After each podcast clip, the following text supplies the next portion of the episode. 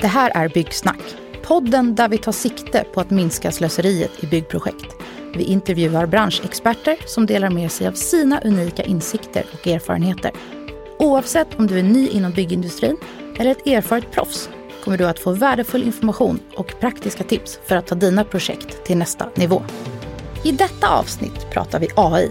Webbforums VD David Björk träffar AI-experten Marcus Weiland. David och Marcus diskuterar bland annat AIs påverkan på byggbranschen, varför du ska se upp för tomteblossprojekt och hur AI skulle kunna användas mer i insamling av data från byggprojekt. Och hur tror Marcus att AI kommer att se ut inom byggbranschen i framtiden? Så låt oss snacka om hur vi kan minska slöseriet i byggprojekt. Välkommen till Byggsnack. Hej och hjärtligt välkomna till Byggsnack. Idag gästas vi av ingen mindre än Marcus Weiland, AI-expert. Välkommen Marcus. Tack så jättemycket. Och vilken tur att vi har fått hit dig idag. Eh, AI är ju verkligen i ropet i år och det har varit liksom en snackis både på byggarbetsplatser, på kontor, på fikarummen. Och det är många som jag till exempel som har provat ChatGPT mycket och förbluffats över dess kapacitet. Så att, så att eh, du, du är verkligen inom rätt område kan man säga just nu. Det är ju ett otroligt intresse så det är jättekul. Vi, vi blir överösta av massor av frågor och även på LinkedIn till exempel så är det jättemycket folk som kontaktar mig. Jag får väl ett par frågor per dag liksom om AI nu från olika kontakter så det är jätteroligt. Ja, vad skoj. Det kan jag verkligen tänka mig. Och om vi då backar tillbaka till början då. Vad, vad är AI? Precis. AI i folkmun skulle jag säga, det är när man har ett system som gör någonting som man blir imponerad av. Det är egentligen den enda definitionen som har hållit över tid. För om man tänker på när eh, någonting som brukar beskrivas som en stor milstolpe inom AI, när eh, Garry Kasparov blev besegrad alltså, i schack av Deep Blue 1996, så tyckte man ju det var ett stort genombrott inom AI. Men idag så har ju alla en schackdator i fickan som kan besegra Garry Kasparov i schack i mobilen. Liksom. Så att och, och, nu tycker vi inte att det där är AI, det där är ju bara liksom en massa beräkningar. Så det här förflyttar ju sig hela tiden. Eh, var det egentligen, ja, så länge vi blir imponerade så tycker vi att det är AI då, oavsett vad det är för teknik. Sen de som jobbar mer med AI pratar ju mer om maskininlärning då, alltså att ha system som lär sig från data. Det är ingen som har programmerat alla reglerna utan den har lärt sig själv av eh, från erfarenhet eller från data som man har då, eh, hittat mönster i det. Då, då brukar det kallas för AI. Så ofta så pratar man om liksom maskininlärning och AI som samma sak, men i folkmun så är det ju mer det där. Någonting som är imponerande helt enkelt.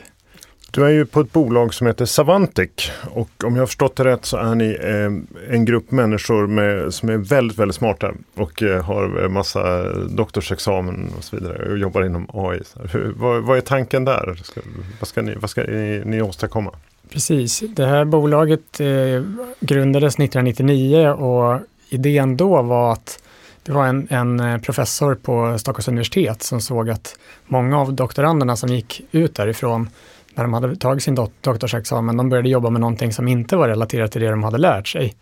Och eh, det tyckte han var väldigt synd, för, både för näringslivet och för de här doktoranderna. Liksom. Så att idén med bolaget är att kunna erbjuda den kunskapen och, och det man har lärt sig, den här djupa analytiska förmågan till näringslivet. Och då kommer man, om man kommer som forskare och kommer ut liksom och ska, ska hjälpa näringslivet så är det ju en liten resa att förstå hur det här ska kunna användas. Det är inte så att man kommer med en paper eller någon liksom vetenskaplig artikel här och ska leverera, utan man ska leverera lösningar som fungerar ute i verkligheten.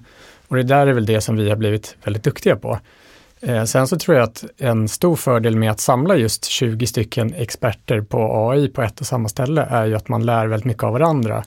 Och, eh, vi ser ju nu att det är många bolag som börjar rekrytera AI-kompetens, men också att det är rätt många som slutar för att de kanske inte riktigt känner att de fick utväxling av det där som de blev lovade i anställningsintervjun. För att dels kanske man inte kommit så långt inom AI och sen eh, har man inga andra kollegor som kanske är intresserade på samma sätt som man själv, lika djupt. Så att det har varit en fördel för oss i alla fall. Vi har alltid haft extremt lätt att rekrytera medan nästan alla andra har jättesvårt att hitta den här typen av kompetens. Så att om man är AI-nörd då kan man hitta hem hos er? Ja, verkligen. Ja. det, vi är som en liten familj av AI-nördar. Ja, jag förstår. Det låter, låter väldigt, väldigt spännande. Man kanske får komma och hänga i fikarummet hos er. Absolut. Och prata, prata lite AI. Vi har ett litet skönt labb också där man kan kika på vad vi håller på och löder och bygger på för maskiner och grejer. Ja, vad kul.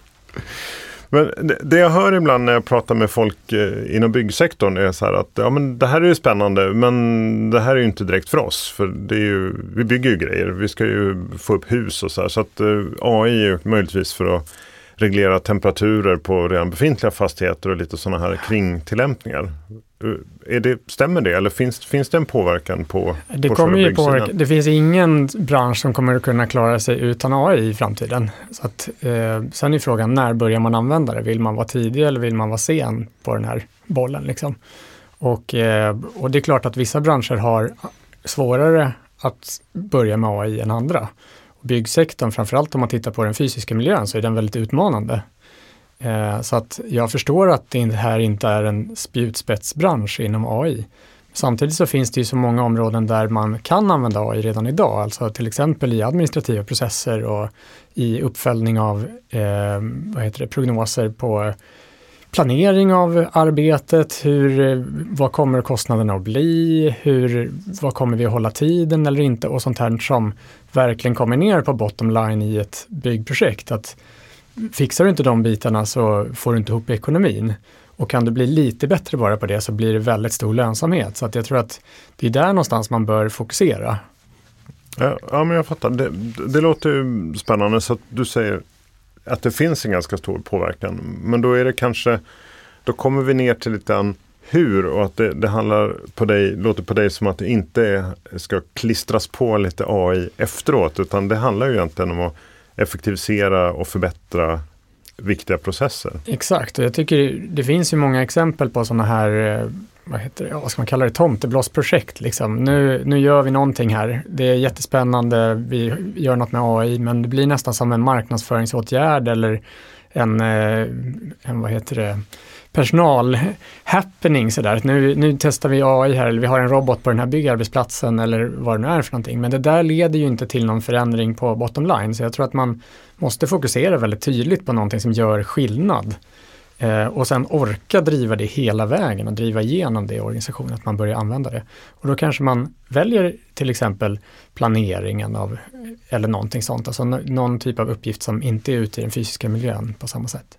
Mm, för har du eh, några exempel där man har fått till det här bra eller intressant i alla fall? Ja, vi kan gå igenom lite olika idéer tänker jag. Alltså, ett, ett område där AI används idag men skulle kunna användas mycket mer är i insamling av data. Att så att säga förstå situationen. Hur ser situationen ut just nu?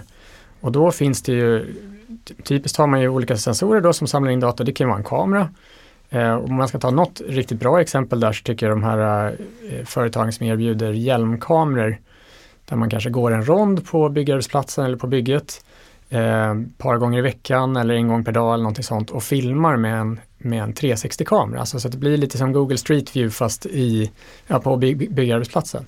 Det där är ju bra även utan AI för att då kan ju en leverantör till exempel gå in och titta hur ligger det till nu? Ska jag, ska jag komma och leverera de här sakerna eller en installatör kan se vad är status på byggarbetsplatser just nu? Är det någon mening att jag åker ut dit och ska sätta upp de här panelerna eller dra den här kanalisationen eller vad det nu är? Ligger vi i tid? Eh, men den andra fördelen med det där är att du kan använda AI för att tolka det här bildmaterialet som är väldigt rikt på information. Och då kan du jämföra det med dina planer till exempel och se hur ligger vi till?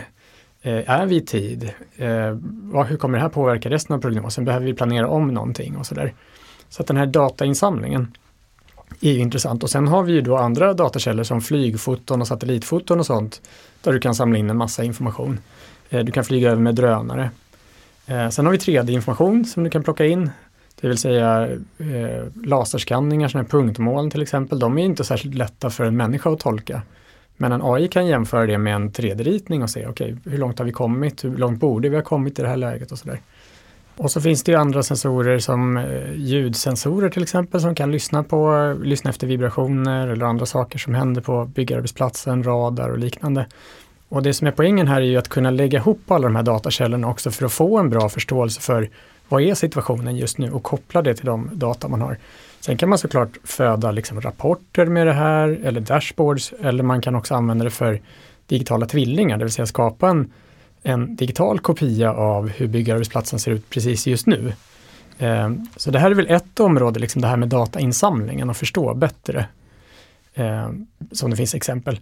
Sen har vi det här med prognosanalyser som vi har pratat lite grann om och jag tänker att det finns väldigt mycket liksom risker i samband med ett byggprojekt. Det kan vara tid, kostnad, det kan vara kvalitet, men det är också faktiskt säkerhet vad det gäller människoliv. Det är ju få yrken som är farligare än att arbeta på en byggarbetsplats. Eh, och här finns det ju ganska många spännande projekt där man har tittat på hur man kan minska riskerna.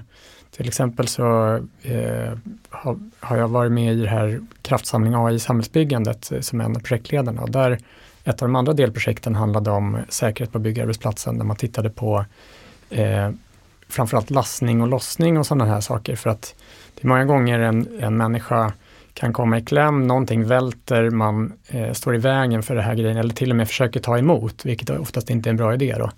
Och det är många skador som sker där och då kan man bygga liksom larmsystem som larmar direkt på byggarbetsplatsen när det här är på väg att hända. Eh, och en annan grej är ju klämrisk och andra sådana här saker och det kan bero på att människor finns i zoner där de inte ska vara. Och då kan man sätta upp ett kamerasystem och vill man inte ha kameror som tittar på byggarbetsplatser kanske man kan ha en värmekamera som inte kan identifiera personer men som kan ändå se zoner och se att här är en person som är inne i en zon där det inte ska vara några människor till fots liksom och larma och sådär. Så där tror jag det finns jättestor potential. Eh, och så, såklart schemaläggning av logistiken på och allt liksom dynamiska logistiken. Att, ja, men när ska vi köra fram vad? Det mm. finns inte så mycket plats och du kan inte lägga upp en massa byggmaterial och sånt där ifall att det inte ska användas ganska snart. Då. Just det, där är ju mycket optimering och få precis, allt exakt. att komma in precis när det ska komma in.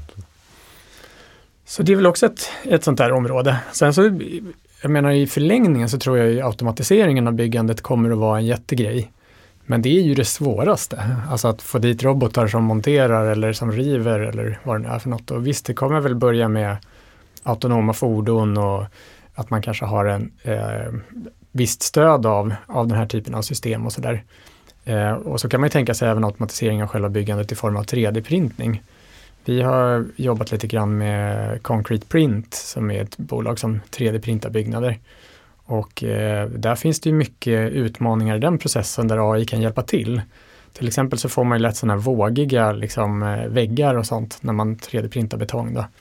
Och då kan man eh, till exempel titta med en kamera som följer det här munstycket som ska spruta ut betongen och se hur ska jag anpassa mig för att det inte ska bli några vågor och kan jag liksom spruta ut lite snabbare eller långsammare ja. eller vad ska jag göra för någonting för att få liksom slätare väggar och så. Och då blir det mindre spill om man behöver inte slipa bort lika mycket och så.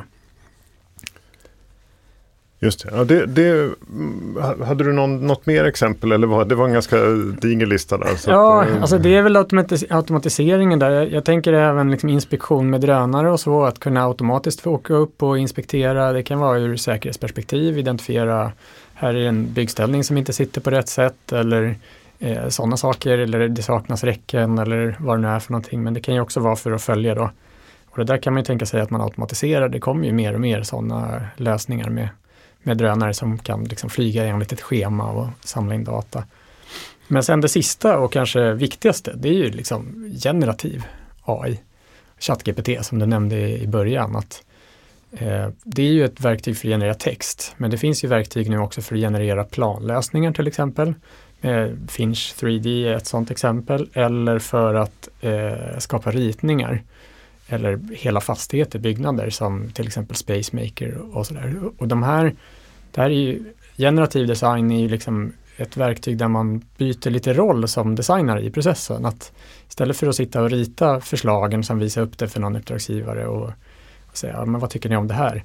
Så får man en väldig massa förslag själv och snarare ställer in de här parametrarna och säger den här delen av byggnaden får vara max fem våningar. Vi vill ha så mycket ljusinsläpp som möjligt från det här hållet. Vi vill minska bullernivåerna. Vi vill, eh, och, och det så som är intressant. Det handlar mer om att formulera kraven ja, eller precis. önskemålen på.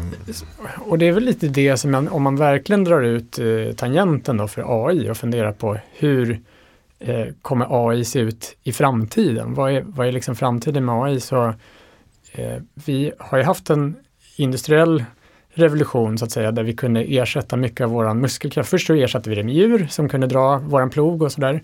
Sen började vi få maskiner eh, som kunde ersätta vår muskelkraft. Liksom. Och sen har vi fått datorn och informationssamhället och sådär som kan lagra väldigt mycket information, möjliggöra samarbete över långa distanser och sådär så att vi behöver inte förflytta oss lika mycket, vi behöver inte förflytta, alltså informationen kan röra sig fritt och sådär. Men vi har ju inte riktigt börjat ersätta hjärnan. Liksom. Vi, vissa logiska processer som går att automatisera har vi kunnat ta hand om. Men AI har ju potentialen att ersätta det vi gör med vår hjärna. Det vi däremot inte tror jag kommer ersätta, det är ju förmågan att vilja, förmågan att Eh, eh, bedöma någonting och säga, är det här vad jag faktiskt ville ha? Eh, där är vi inte, vi pratar inte om medvetande eller om, om sånt med AI idag, liksom, utan så jag tror att vi kommer att få mer och mer AI som gör det vi vill att AI ska göra åt oss. Eh, och då blir vår roll lite mer liksom projektledaraktig eller ja, det är vår uppgift att vilja och bedöma och, och, och, säga vad är det för någonting vi vill ha här. Och så blir det ju tror jag lite grann med arkitektrollen här då att eh, tillsammans med uppdragsgivaren så sitter man och tittar på byggnaden i realtid medan den håller på att förändras. Då. Eh, och sen så ser man, okej, okay, men det här är ett bra förslag. Generera några varianter på den med den här feedbacken och så kommer det tillbaka nya förslag.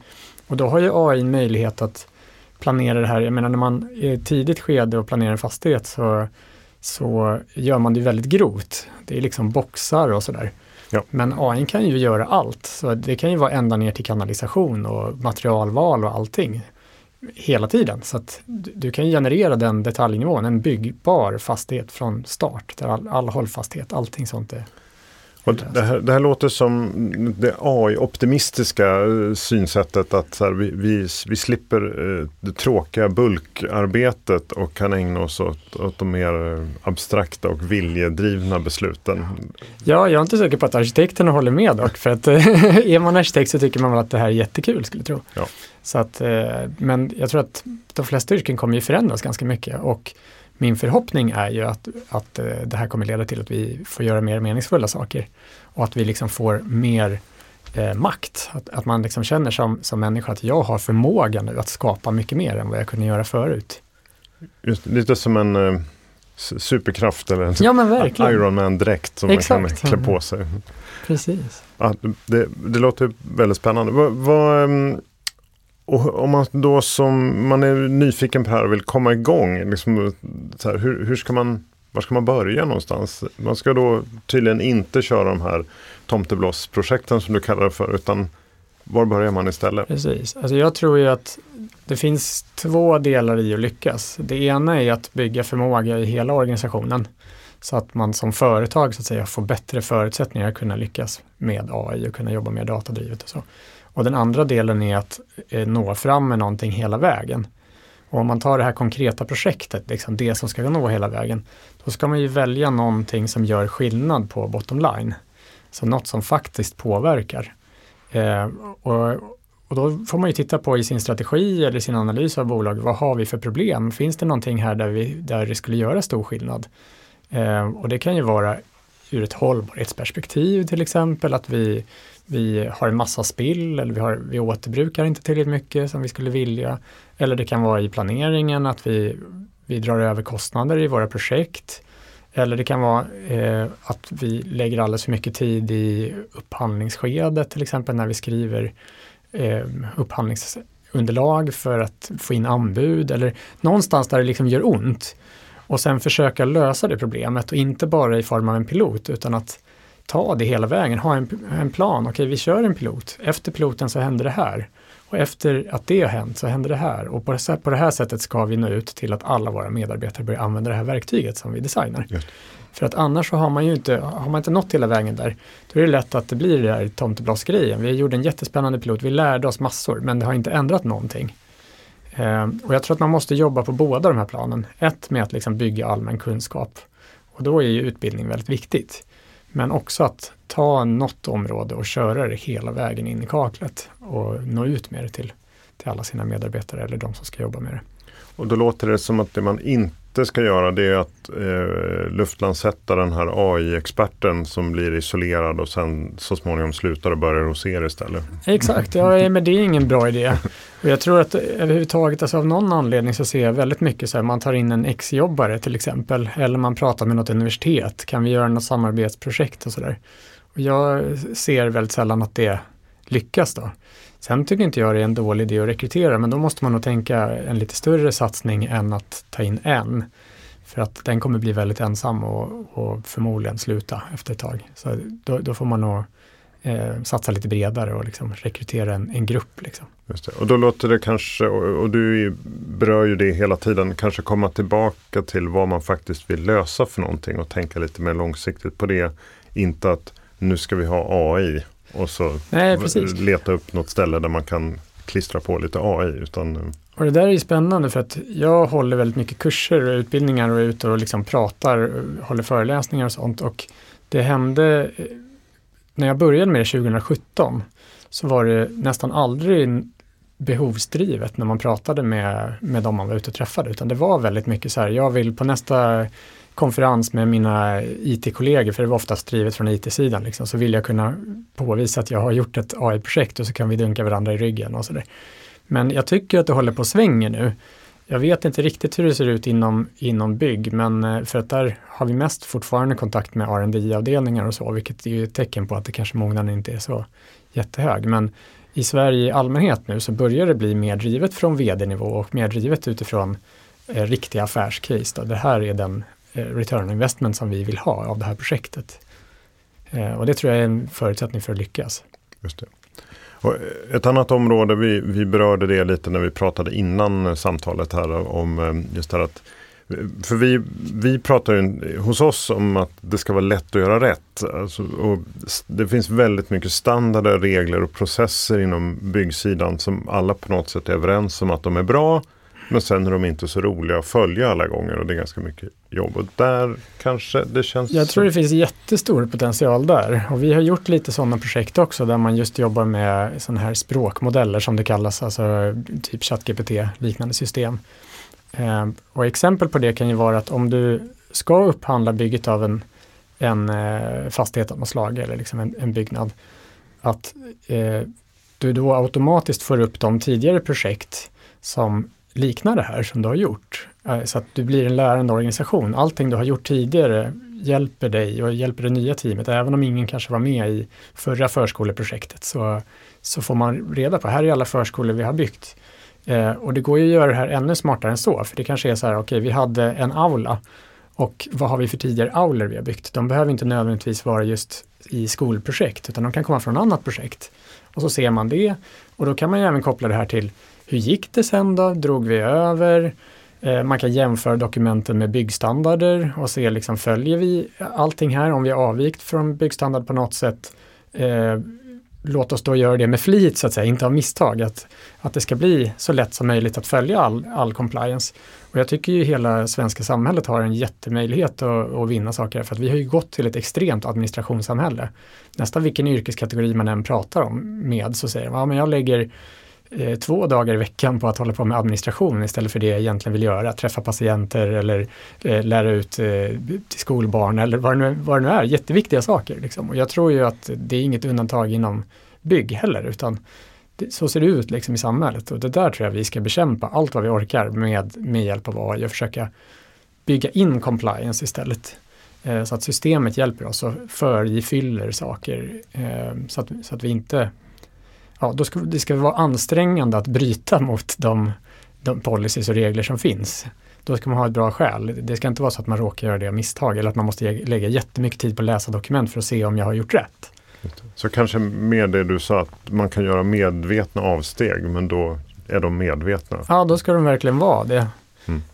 Um, men sen tänkte jag på, vi pratade lite om det här vad man ska göra. Jag kanske svarade ur ett organisationsperspektiv, men jag tycker det finns ett individuellt perspektiv på det här också att vad ska du göra som person för att hänga med här?